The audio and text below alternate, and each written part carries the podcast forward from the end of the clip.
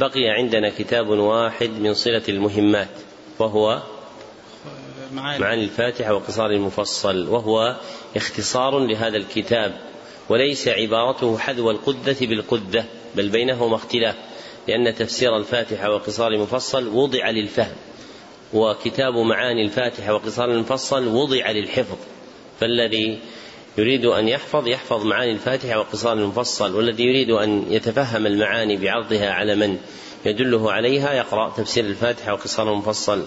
افتحوا على هذا الكتاب في صفحة كم؟ 1735 نعم تفضل. الحمد لله رب العالمين والصلاة والسلام على أشرف الأنبياء والمرسلين نبينا محمد وعلى آله وصحبه ومن تبعه إلى يوم الدين. اللهم اغفر لنا ولشيخنا وللسامعين والمسلمين أجمعين. اللهم انفعنا بما علمتنا وعلمنا ما ينفعنا وزدنا علما يا رب العالمين. قلتم نفع الله بكم معاني الفاتحة وقصار المفصل. بسم الله الرحمن الرحيم. الحمد لله الذي جعل القرآن لكل شيء تبيانا.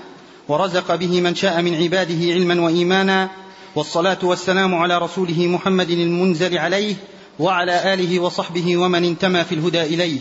أما بعد فإن معرفة أحاد المفردات تعين على فهم الجمل الكليات ومعرفة معاني كلم القرآن تيسر إدراك ما له من الهدى والبيان.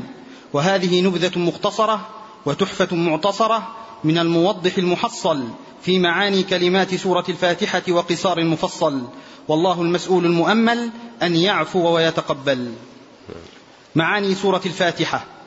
الله علم على ربنا عز وجل. لا إذا جئت آية قوله. السور تقدم قراءتها من الأخ. فنحن نقرأ المعاني. فتقول قوله الله ثم تذكر المعنى نعم. قوله الله علم على ربنا عز وجل. ومعناه المألوه المستحق لإفراده بالعبادة. قوله الرحمن الرحيم اسمان من أسمائه تعالى دالان على رحمته. قوله الحمد هو الإخبار عن محاسن المحمود مع حبه وتعظيمه. قوله رب الرب في كلام العرب المالك والسيد والمصلح للشيء. قوله العالمين جمع عالم وهو اسم للأفراد المتجانسة من المخلوقات فكل جنس منها يطلق عليه عالم. فيقال عالم الإنس وعالم الجن وعالم الملائكة. قوله يوم الدين يوم الحساب والجزاء على الأعمال. قوله إياك نعبد نخصك وحدك بالعبادة. قوله وإياك نستعين نستعين بك وحدك في جميع أمورنا. قوله اهدنا دلنا وأرشدنا. قوله الصراط المستقيم الإسلام. قوله صراط الذين أنعمت عليهم المتبعين للإسلام الذي جاء به النبي صلى الله عليه وسلم. قوله المغضوب عليهم. لا تصور جزاك الله خير. لا تصور. نعم أكمل. قوله المغضوب عليهم الذين عرفوا الحق ولم يعملوا به وهم اليهود. قوله الضالين الذين تركوا الحق عن جهل فلم يهتدوا وضلوا الطريق وهم النصارى. معاني سورة الضحى. قوله والضحى اسم ضوء الشمس إذا أشرق وارتفع والمراد به هنا النهار كله. قوله سجى سكن بالخلق وثبت ظلامه. قوله ما ودعك ما تركك. قوله وما قلى وما أبغضك. قوله وللآخرة خير لك من الأولى وللدار الآخرة خير لك من دار الدنيا. قوله فآوى فضمك إلى من يكفلك وجعل لك مأوى تأوي إليه. قوله ضالا لا تدري ما الكتاب ولا الإيمان. قوله فهدى فدلك وأرشدك. قوله عائلا فقيرا قوله فلا تقهر فلا تغلبه مسيئا معاملته قوله فلا تنهر فلا تزجر. معاني سورة الشرح. قوله ووضعنا وحططنا قوله وزرك ذنبك قوله أنقض أثقل قوله العسر الشدة قوله يسرا سهولة قوله فإذا فرغت فانصب فإذا فرغت من عمل بإتمامه فأقبل على عمل آخر. معاني سورة التين. قوله وطور سينين الطور الجبل وسينين لغة في سيناء وهي صحراء بين مصر وبلاد فلسطين. قوله البلد الأمين مكة المكرمة لأمن الناس فيها. قوله أسفل سافلين في نار جهنم. قوله غير ممنون غير مشوب بكدر المن ولا يلحقه الانقطاع. قوله بالدين بالحساب والجزاء على الأعمال. معاني سورة العلق. قوله علق جمع علقة وهي القطعة من الدم الغليظ. قوله بالقلم بالخط والكتابة. قوله لنسفع السفع القبض الشديد بجذب. قوله بالناصية مقدم شعره. قوله الزبانية هم ملائكة العذاب. سموا زبانية لأنهم يزبنون أهل النار. أي يدفعونهم بشدة. معاني سورة القدر. قوله القدر الشرف العظيم. قوله والروح هو جبريل عليه السلام. قوله بإذن ربهم بأمره. معاني سورة البينة. قوله منفكين زائلين عما هم عليه تاركين له. قوله مطهرة منزهة عن كل ما لا يليق. قوله قيمة مستقيمة. قوله مخلصين له الدين قاصدين بعبادتهم وجهه فالإخلاص هو تصفية القلب من إرادة غير الله عز وجل. قوله حنفاء مقبلين عليه مائلين عما سواه. قوله دين القيمة دين الكتب القيمة وهو الإسلام. قوله البرية الخليقة. قوله جنات عدن جنات إقامة لا يتحولون عنها. معاني سورة الزلزلة. قوله إذا زلزلت الأرض زلزالها رجت رجا شديدا.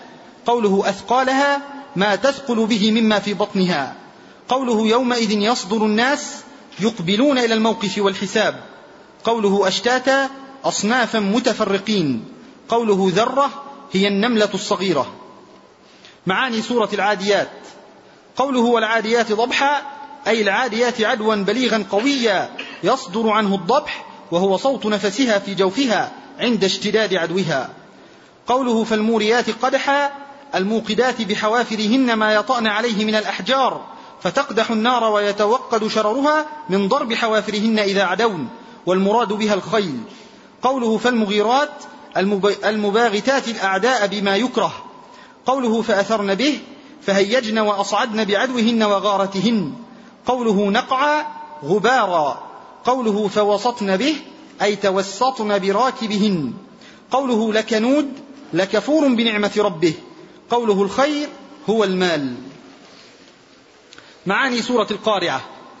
قوله القارعة من أسماء يوم القيامة لأنها تقرع قلوب الناس وتزعجهم بأهوالها.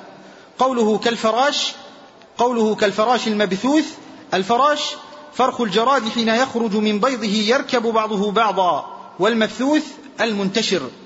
قوله كالعهن المنفوش كالصوف المتمزق الذي فرقت بعض أجزائه عن بعض.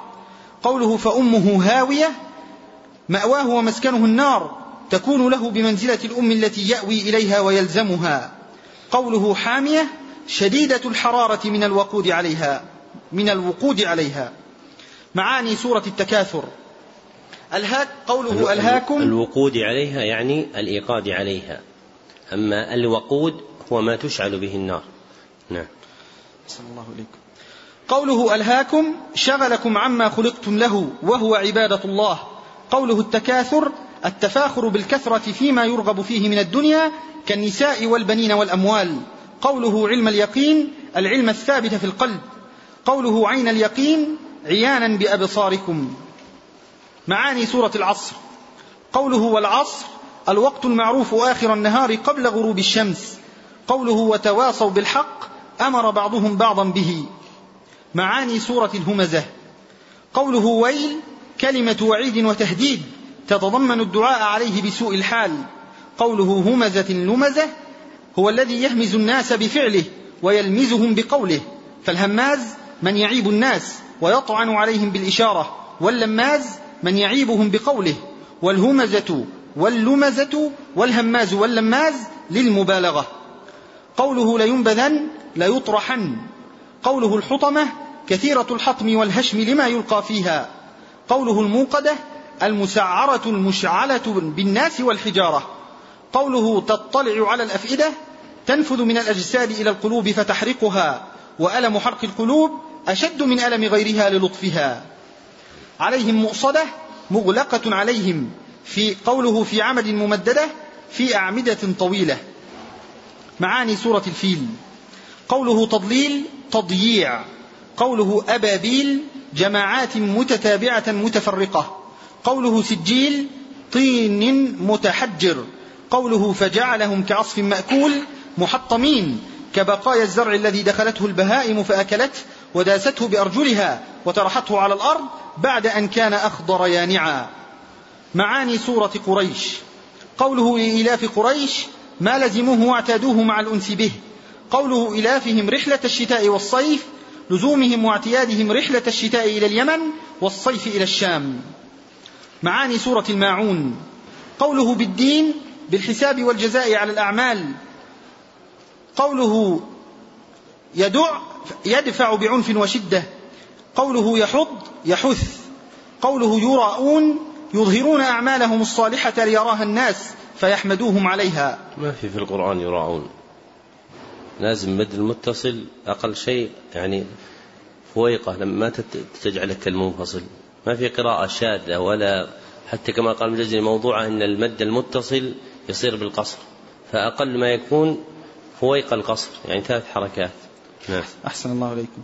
قوله يراءون يظهرون أعمالهم الصالحة ليراها الناس فيحمدوهم عليها. قوله الماعون الزكاة وما لا تضر إعارته مما يستعان به على عمل البيت من آنية وآلة ومنها القدر والدلو وما جرت العادة ببذله. معاني سورة الكوثر. قوله الكوثر هو نهر في الجنة.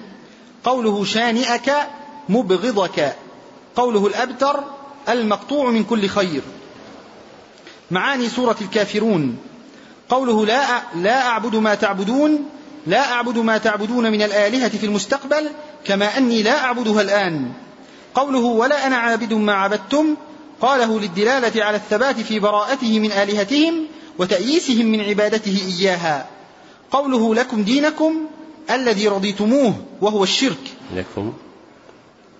لكم, دي لكم دينكم إيش؟ غلط يعني لكم دينكم. ها. أحسن الله إليكم. قوله لكم دينكم لكم دينكم الذي رضيتموه وهو الشرك. قوله ولي دين الذي رضيه لي ربي فرضيت به وهو الإسلام. معاني سورة النصر. قوله والفتح فتح مكة. قوله أفواجا جماعات تلو جماعات. قوله توابا يوفق الخلق للتوبة ويقبلها منهم. معاني سورة المسد.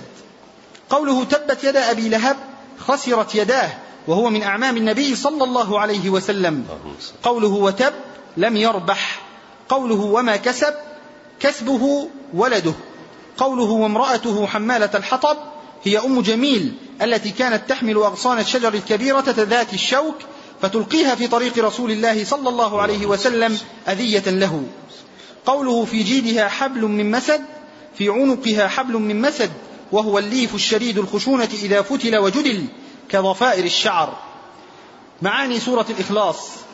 قوله الصمد السيد الكامل المقصود في قضاء الحوائج. قوله لم يلد ولم يولد ليس له ولد ولا والد. قوله ولم يكن له كفوا أحد لا يكافئه أحد في ذاته ولا في أسمائه ولا في صفاته ولا في أفعاله تبارك وتعالى. معاني سورة الفلق. قوله أعوذ ألجأ وأعتصم. قوله الفلق الصبح. قوله غاسق الغاسق هو الليل. قوله إذا وقب إذا استحكم ظلامه. قوله النفاثات في العقد الأنفس السواحل من الرجال والنساء اللواتي يستعن على سحرهن بالنفخ من ريق مع ريق لطيفة في العقد المشدودة عليه. معاني سورة الناس. قوله أعوذ ألجأ وأعتصم. قوله برب الناس بسيدهم المالك والمصلح لهم. قوله إله الناس معبودهم بحق. قوله الوسواس الخناس هو الشيطان يتأخر ويندفع إذا ذكر العبد ربه واستعاذ به في دفعه. قوله الذي يوسوس في صدور الناس يحسن لهم الشر ويقوي إرادتهم له ويقبح لهم الخير ويثبطهم عنه. قوله من الجنة والناس محل وسوسته صدور الخلق من الجن والناس. تم الكتاب بعون الله وحسن توفيقه على يد جامعه لنفسه ولمن شاء الله تعالى من خلقه. صالح بن عبد الله بن حمد العصيمي غفر الله له ولوالديه ولمشايخه وللمسلمين في غرة ذي القعدة سنة إحدى وثلاثين بعد, بعد الأربعمائة والألف بمدينة الرياض. حفظها الله دارا للإسلام والسنة. اكتبوا طبقة سماعه. سمع علي جميع معاني الفاتحة وقصار المفصل بقراءة غيره. صاحبنا فلان بن فلان بن فلان فتم له ذلك كم مجلس؟ أحسنت في ثلاثة مجالس في ثلاثة مجالس. لأن السور ما قرأتموها الآن فتكون لاحقة بما قبلها. في ثلاثة مجالس بالميعاد المثبت في محله من نسخته. وأجزت له روايته عني إجازة خاصة من معين لمعين في معين الحمد لله رب العالمين. صحيح ذلك وكتبه صالح بن عبد الله بن محمد العصيمي ليلة الجمعة الرابع من شهر ربيع الأول سنة ثلاث وثلاثين بعد الأربعمائة والألف في المسجد النبوي بمدينة الرسول صلى الله عليه وسلم.